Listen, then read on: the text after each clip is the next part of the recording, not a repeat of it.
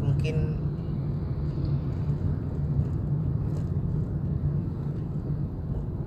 celotehan saya aja kali ya.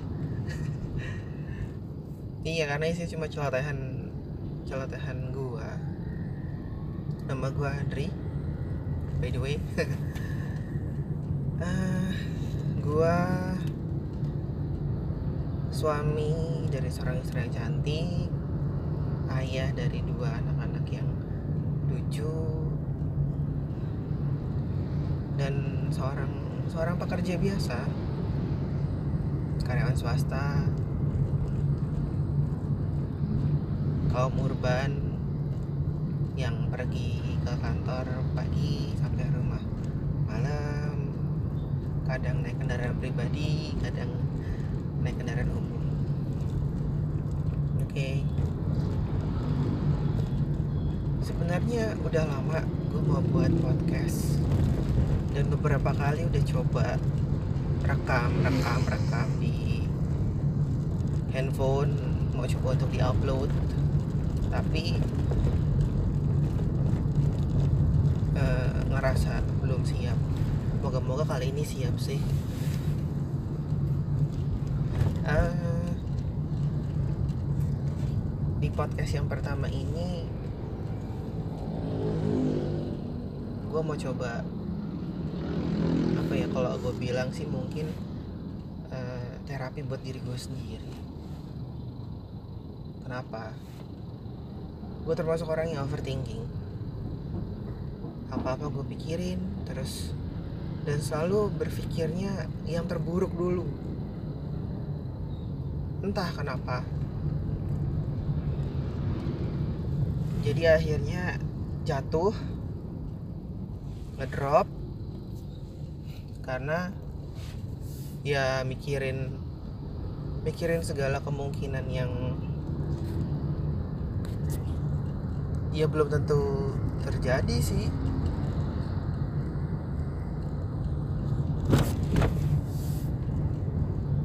Tapi entahlah kalau banyak orang bilang. Dan juga istri gue yang seorang psikolog juga bilang nggak ini emang ada hubungan sama masa lalu atau ya kebanyakan sih trauma masa kecil yang eh kalau dibilang trauma mungkin kelihatan nggak ada kejadian sesuatu yang bikin gue sampai begini atau misalkan gue dipukulin atau di ada ada ngalamin bullying enggak. Sama sekali enggak. Lebih kepada apresiasi. Mungkin itu. Mungkin itu. Dan juga mungkin pola pola asuh yang yang apa ya eh, orang tua bukan sebagai sahabat orang tua bukan sebagai teman curhat tapi orang tua memang eh, kalau gue bisa eh, asosiasikan sebagai raja dan ratu yang a- aku punya aku punya aturan aku punya aku punya kuasa. Anak-anakku harus ikut apa yang aku buat apa yang aku lakukan. Suka atau tidak suka nah eh, itu ya yang bisa aku tangkap.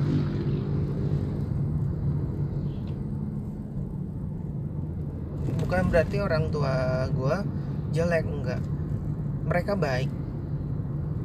Mereka punya mimpi yang baik dan bagus untuk gue makanya mereka eh gue bilang keras. Dan akhirnya selalu memberikan pemikiran-pemikiran ataupun eh, semacam doktrin ya buat sebenarnya untuk membangun dasar diri gue biar gue nggak nggak istilahnya nggak menye-menye lah dalam menghadapi hidup. Nggak terlalu drama atau seperti apalah. Ngerti maksudnya? Tapi ternyata ternyata ternyata sekali lagi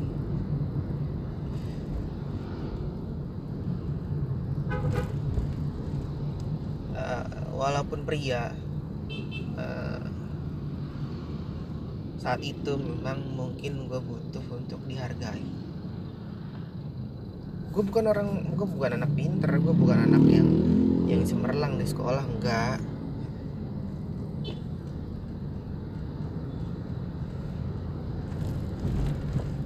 Tapi at least apa yang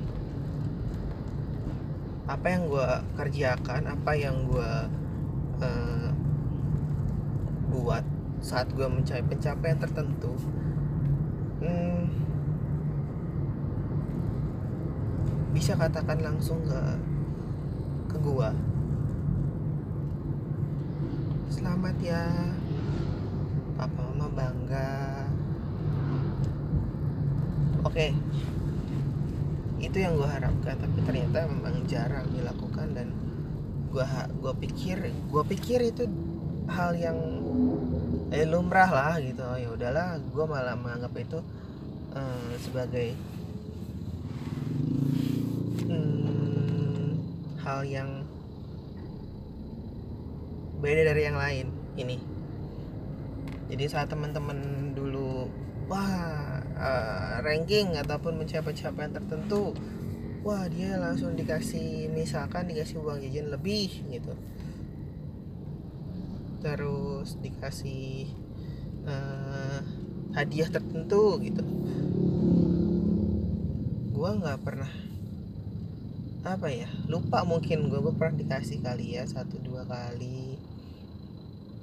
Tapi kalau gue bisa bilang uh, gue nggak butuh barang. Gue cuma butuh kehangatan dari orang tua pada saat itu. Oke gue ngerti pada saat itu memang keadaan ekonomi keluarga nggak nggak baik. Dan gue sangat mengerti banget kalau gue bukan orang kaya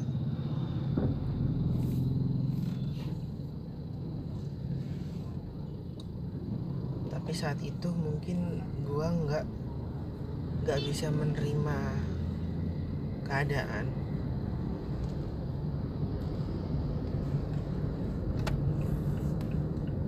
Keadaan maksudnya menerima orang tua orang tua gue seperti itu. Keadaan keluarga gue seperti itu ya. Lo harus terima lo harus bisa catch up sama keadaan seperti itu. Bukan bukan berarti lo menginginkan keadaan yang berubah oke saat sebagai seorang anak kecil nggak mungkin begitu gitu. Apalagi doktrin yang diberikan ataupun pikiran-pikiran yang diberikan kayak apa ya memang namanya menakut-takuti anak tuh nggak baik gitu. Ayo lo nanti di ini nanti nanti papa marah nanti ini marah nanti ini ini ini halo ini ini.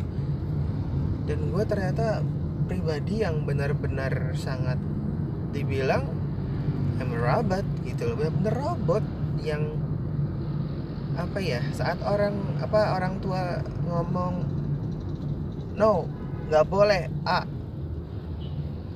Nggak boleh B. Nggak boleh C. Nggak boleh D. Itu gue nggak akan lakukan. Dan tapi ternyata gue mengalami banyak pertanyaan di kepala gue kenapa nggak boleh? Ada apa? Itu dan oh begitu ya. Ternyata nggak boleh begini ya. Gue seperti mencari sendiri ataupun diberitahu orang lain ataupun akhirnya orang tua memberitahu. Oke. Okay, lalu hal-hal uh, apa ya? Mungkin dibilang hal receh yang kayak begitu ya bisa ya menimbulkan trauma ya. Wah gue pikir juga nggak akan menimbulkan trauma tapi ternyata sangat menimbulkan trauma. Gue termasuk orang yang dulu dulu itu takut untuk mencoba berbagai macam hal baru. Jadi gue kayak udah diem aja nggak mau ngapa-ngapain. Dengan zona nyaman gue sudah selesai. Gue nggak mau untuk untuk bergerak lagi. Kenapa? Karena ya selalu ada ada kepikiran emang ini dokter dari kecil?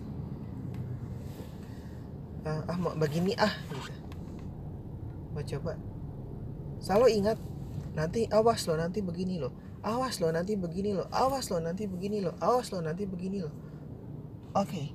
saat itu gua nggak tahu mungkin udah koslet atau gimana. Itu di situ gue mikir oh berarti tindakan gue salah oh gue nggak boleh mencoba ini? Kenapa? Karena konsekuensinya banyak sekali di situ. Oh ya sudah berarti gue di sini aja. Nggak mau deh gue yang lain-lain. Udah. Gue stop di situ. Padahal sebenarnya kalau misalkan gue punya pikiran oh ya udah pak mah makasih buat dikasih tahu. Tapi saya mau coba ini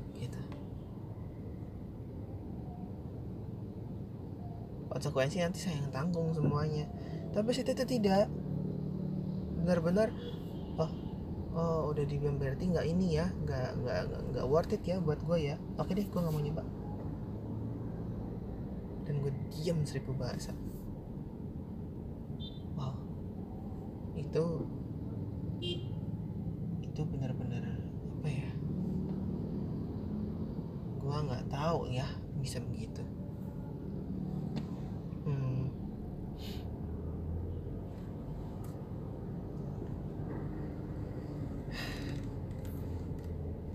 dan memang akhirnya hal ini yang yang bikin gue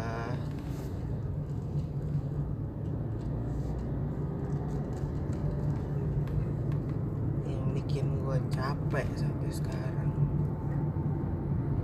ya dan bikin gue capek bener-bener bikin gue lelah bikin gue lelah karena gue harus coba untuk hapus. Entah ya mungkin nggak tahu benar atau enggak atau caranya gimana. Untuk hapus trauma atau untuk menyembuhkan menyembuhkan ya menyembuhkan trauma gue it's been a long time ya yeah.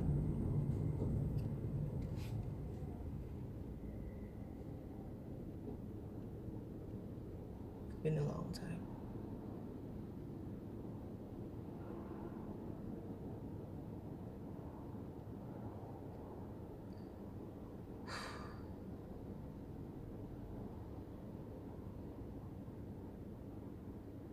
nggak tahu deh kenapa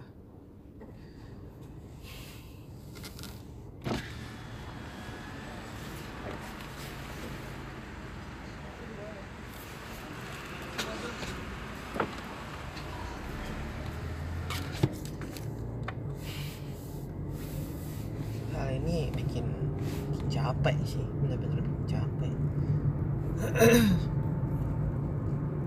tapi itu poinnya adalah uh,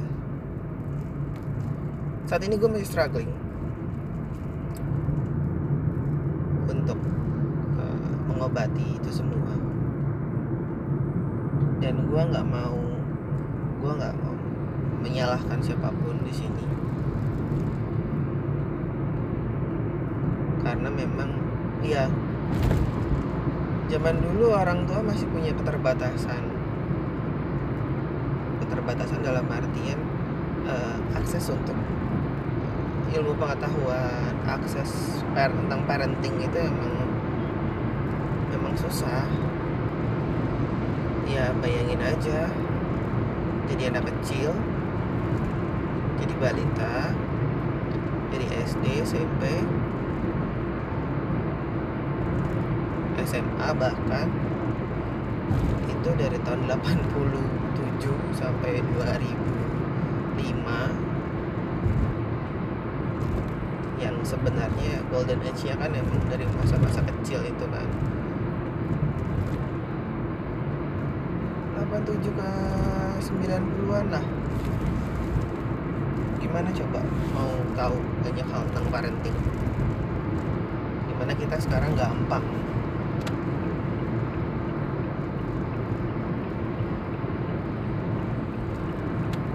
gue itu ya overthinking yang tadi gue bilang itu emang itu sangat-sangat mengganggu sampai gue selalu selalu tidak bisa untuk melangkah karena saking takut dan karena ketakutan itu tidak mau mencoba gitu. dan saat tidak mau mencoba itu uh, gue tidak share ke orang lain harusnya gue coba share ke orang tua tapi saat itu memang yang tadi gue bilang orang tua itu raja orang tua itu ratu gitu jadi uh, saat share ke mereka pun wow ada juga gue dimarahin kenapa gitu ada juga gue kayak uh, langsung aja kena uh, hukuman no ini itu kayak saat itu gue keep sendiri gue simpen sendiri dan itu jadi jadi sampah.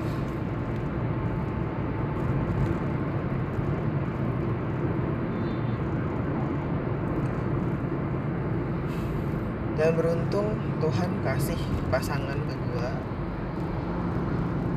seorang psikolog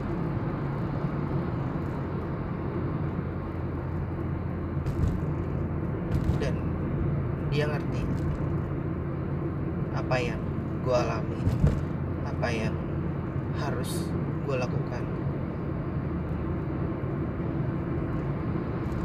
dan gue sebagai manusia memang resisten karena kan saat dibilang enggak lah gue nggak sakit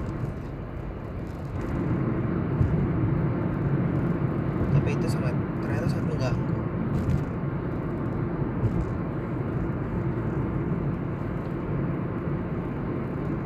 jadi hmm, poinnya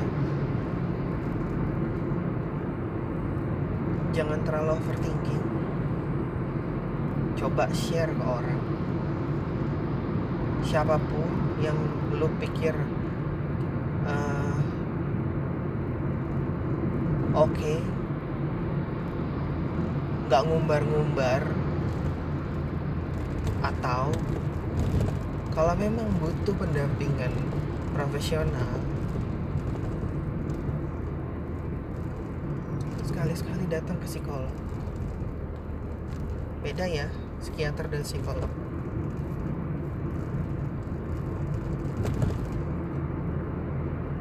coba untuk share ke mereka. Siapa tahu mereka bisa kasih mereka nggak kasih solusi tapi mereka bisa mencoba memberikan uh, segala macam pilihan jalan biar kita jadi lebih baik. Itu.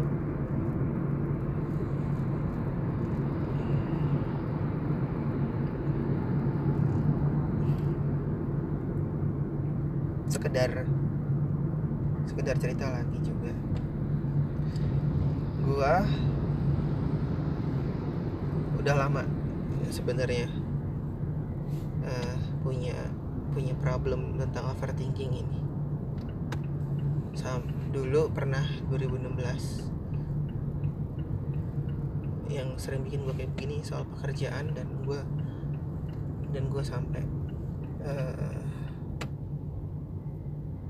bener-bener gak enak deh pokoknya. Gue mikir macem-macem ke sana ke sini. Waduh ada apa ini ada apa ini jajan gue begini. Bener-bener wow wow wow bener, gue gak mau makan tidur gue susah. Berat badan gue turun. Gue kayak orang linglung akhirnya disarankan sama uh, istri gue untuk ayo kita ke psikolog. Dia bawa gue ke mentor-mentornya ke dosen-dosennya. Kenapa bukan istri gue yang yang handle gue nggak bisa. Karena gue punya keterikatan emosional. Dan itu sangat-sangat tidak bisa. Nantinya akan subjektif. Sangat subjektif akhirnya gue dibawa ke uh, almarhum dosennya dulu. Nggak perlu sebut nama lah. Tapi pada waktu itu bukan bukan beliau yang menghandle ada lagi rekan beliau. Karena beliau mungkin saat itu juga udah sudah capek karena memang sakit juga jadi gue coba untuk uh, berterapi lah gitu. Pulang dari sana I feel better. Gue cuma cerita apa yang jadi kegundahan gue dan di situ pun gue masih belum bisa terbuka. Karena masih pikiran ih nanti gue diomongin gini nanti gue diomongin. Harusnya nggak usah nggak perlu dan itu akan semakin membantu. Nggak sekali gue dua dua atau tiga kali. Dua kali di Jakarta satu kali di Bandung karena beliau uh, tadi rekan almarhum dosen istri gue tuh uh, ngajar di Bandung tinggal di Bandung kalau nggak salah sampai sekarang masih tinggal di Bandung. Jadi gue ke ada biro psikologi di daerah dagu atas. Gue datang ke sana. Gue coba untuk uh, ber berkonseling dengan beliau. Begini begini begini. Dan memang dasar sangat ketakutan juga dengan aduh finansial berapa? Gitu segala macamnya. Gue harus bayar berapa nih? Gitu. Gila nih psikolog. Mahal nih gitu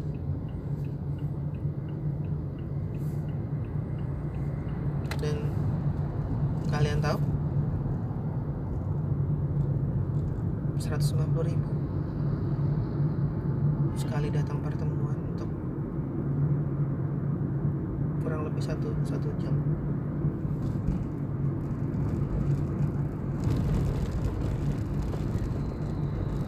Itu di Bandung sih. Nggak tahu itu di Jakarta. Di Jakarta waktu yang konseling di sana memang karena kebetulan dosen istri jadi ya mereka tidak tidak mentarifkan gitu.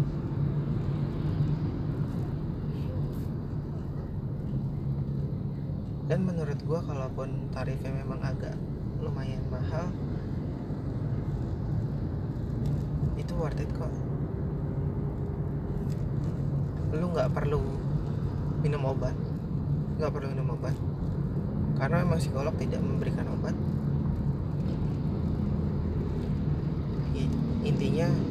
badan lo bersih dari hal kimia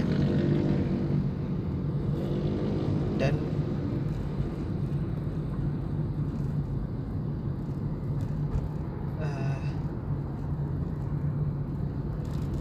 hati lu tenang itu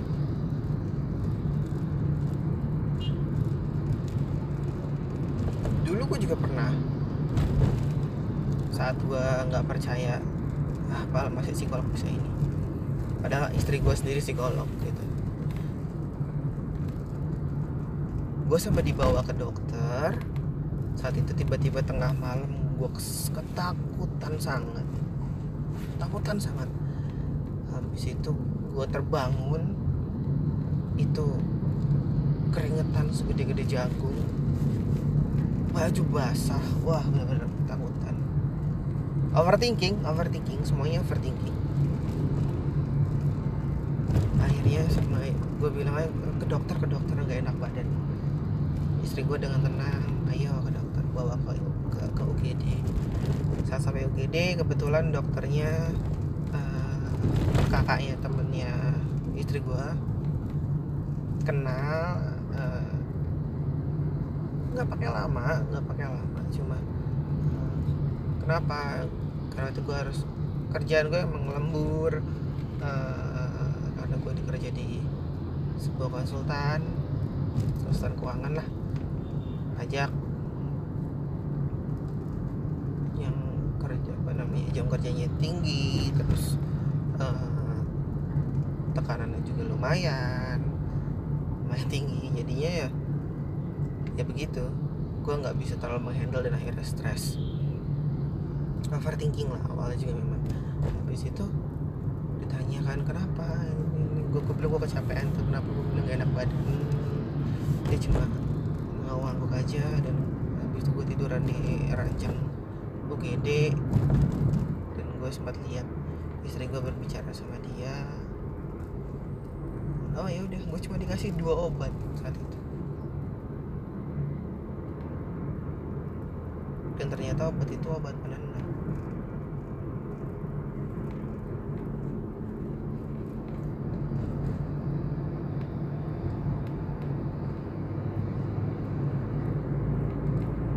istri gue udah tahu kalau gue stres nyaris depresi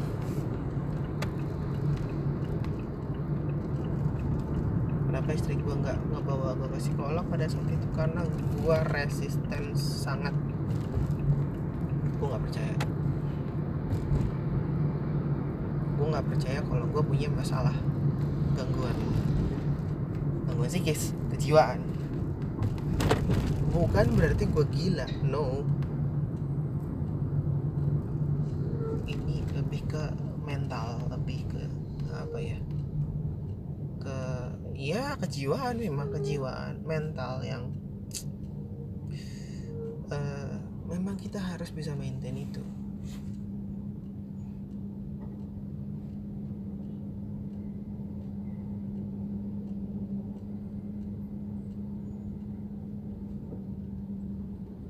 Coba bayangin kalau misalkan saat itu gue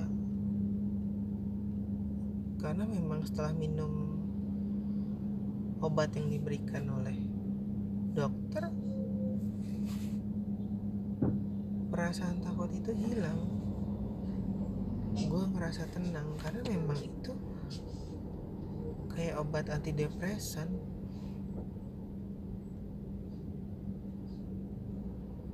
Dan memang obat antidepresan yang sering dipakai dokter untuk menenangkan orang yang ya jadi rumah sakit jiwa mungkin ya.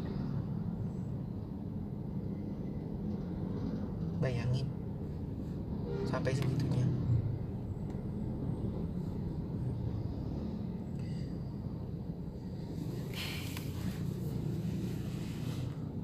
sakit sih. Punya ternyata punya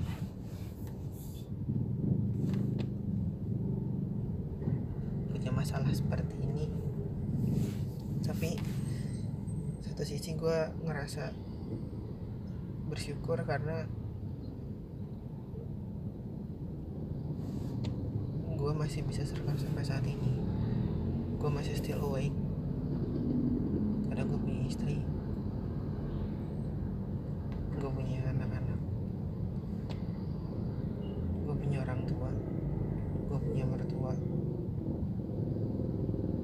walaupun mereka mereka mungkin nggak tahu apa yang gue alamin tapi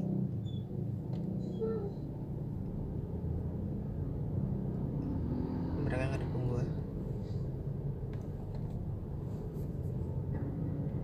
mereka kasih mereka memberikan sayang yang baik yang dalam ke gue dan pelan-pelan gue mulai sadari uh, gue menghilangkan marah gue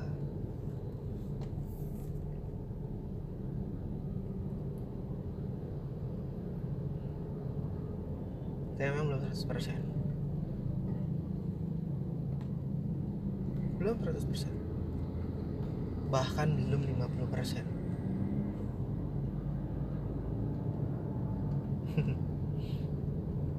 gue masih struggling sampai sekarang.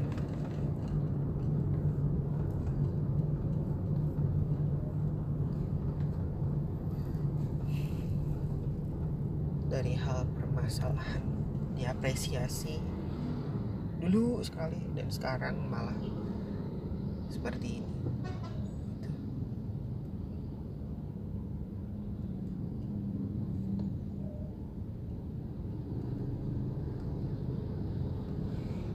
mungkin ya emang agak ngaco sih maksudnya agak meracau gue jadinya. Ngomong apa sih nih orang? Dari butuh apresiasi. Tiba-tiba ngasih tahu kalau dirinya stres apa segala macam ini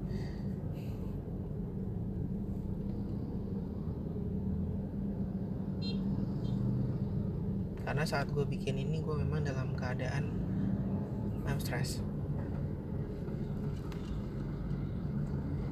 ya gue dalam keadaan stres. Gue dalam keadaan masih depresi. Ya karena overthinking gue kenapa kok butuh diapresiasi sampai stres? Karena saat gue besar gue coba untuk mencari apresiasi itu ke orang-orang. Dengan melihat apa sih yang bikin gue dihargai? Oh seperti itu ya oh seperti itu ya. Gue coba.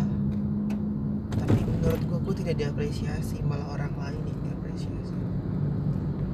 gue coba untuk tapi ternyata uh, eh, gue coba untuk oh maunya seperti ini maunya seperti ini.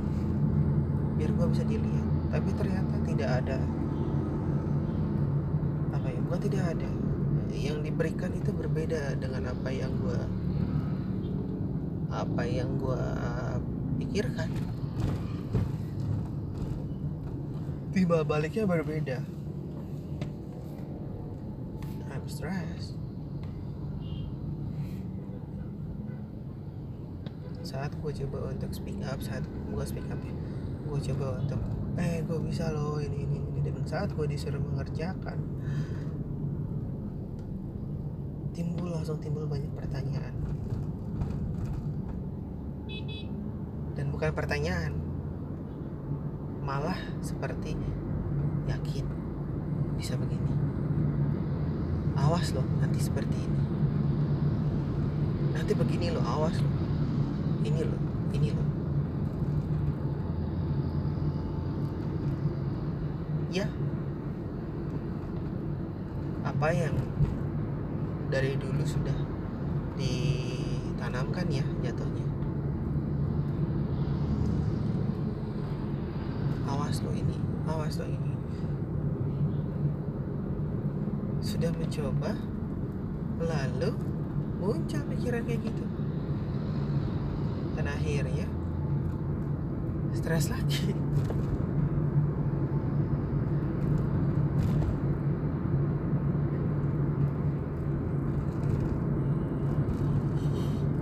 Gue nggak tahu ya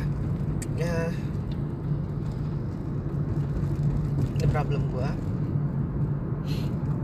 gue coba mau uh, share aja lewat podcast celotehan gue ini karena gue rasa uh, banyak yang bukan banyak moga-moga ada yang bisa diambil ya intinya sih kalau mau simple udahlah. Enjoy your life. Jalani hidup lo uh, coba untuk uh, olah stres lo dan sebab dan uh, yang baru-baru jadi orang tua tolong perhatikan uh, cara parenting lu biar anak-anak lu nggak nggak nggak stres biar anak-anak lu nggak ngalamin trauma.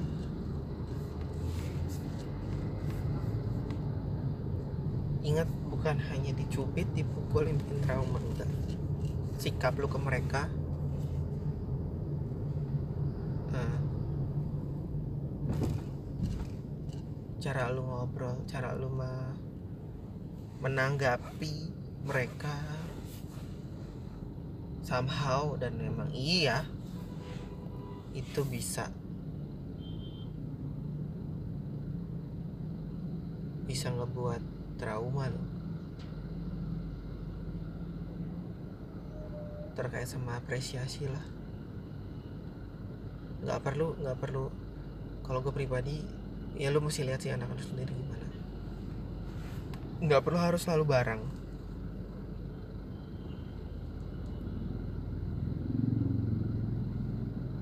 nggak perlu harus selalu materi.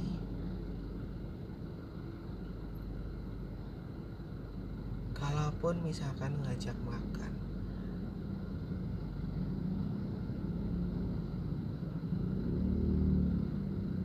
diomongin selamat ini ini ini. Dan di dalam makan itu ngobrol apresiasikan ajak ajak dia merasa oh dengan gue mencapai seperti ini gue mendapatkan kasih sayang gue mendapatkan tambahan lah.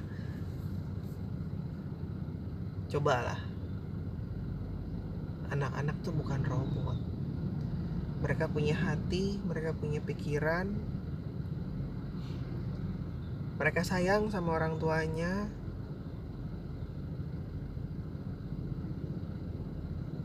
Pada dasarnya kalau gue rasa mereka ingin sahabat pertama mereka dan sahabat baik mereka adalah orang tua mereka.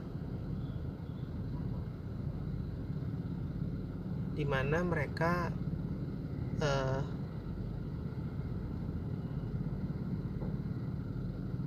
ingin bisa dapat kasih sayang dari orang yang mereka kenal sejak kecil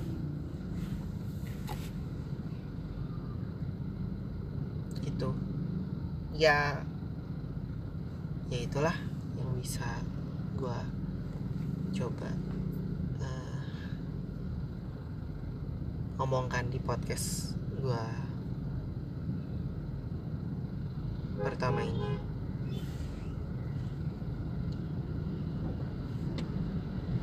Terima kasih. Semoga bisa bisa bermanfaat podcastnya bisa buat pelajaran. Dan terutama sih terima kasih sudah mendengar. Itu aja. Oke sampai ketemu lagi ya. Bye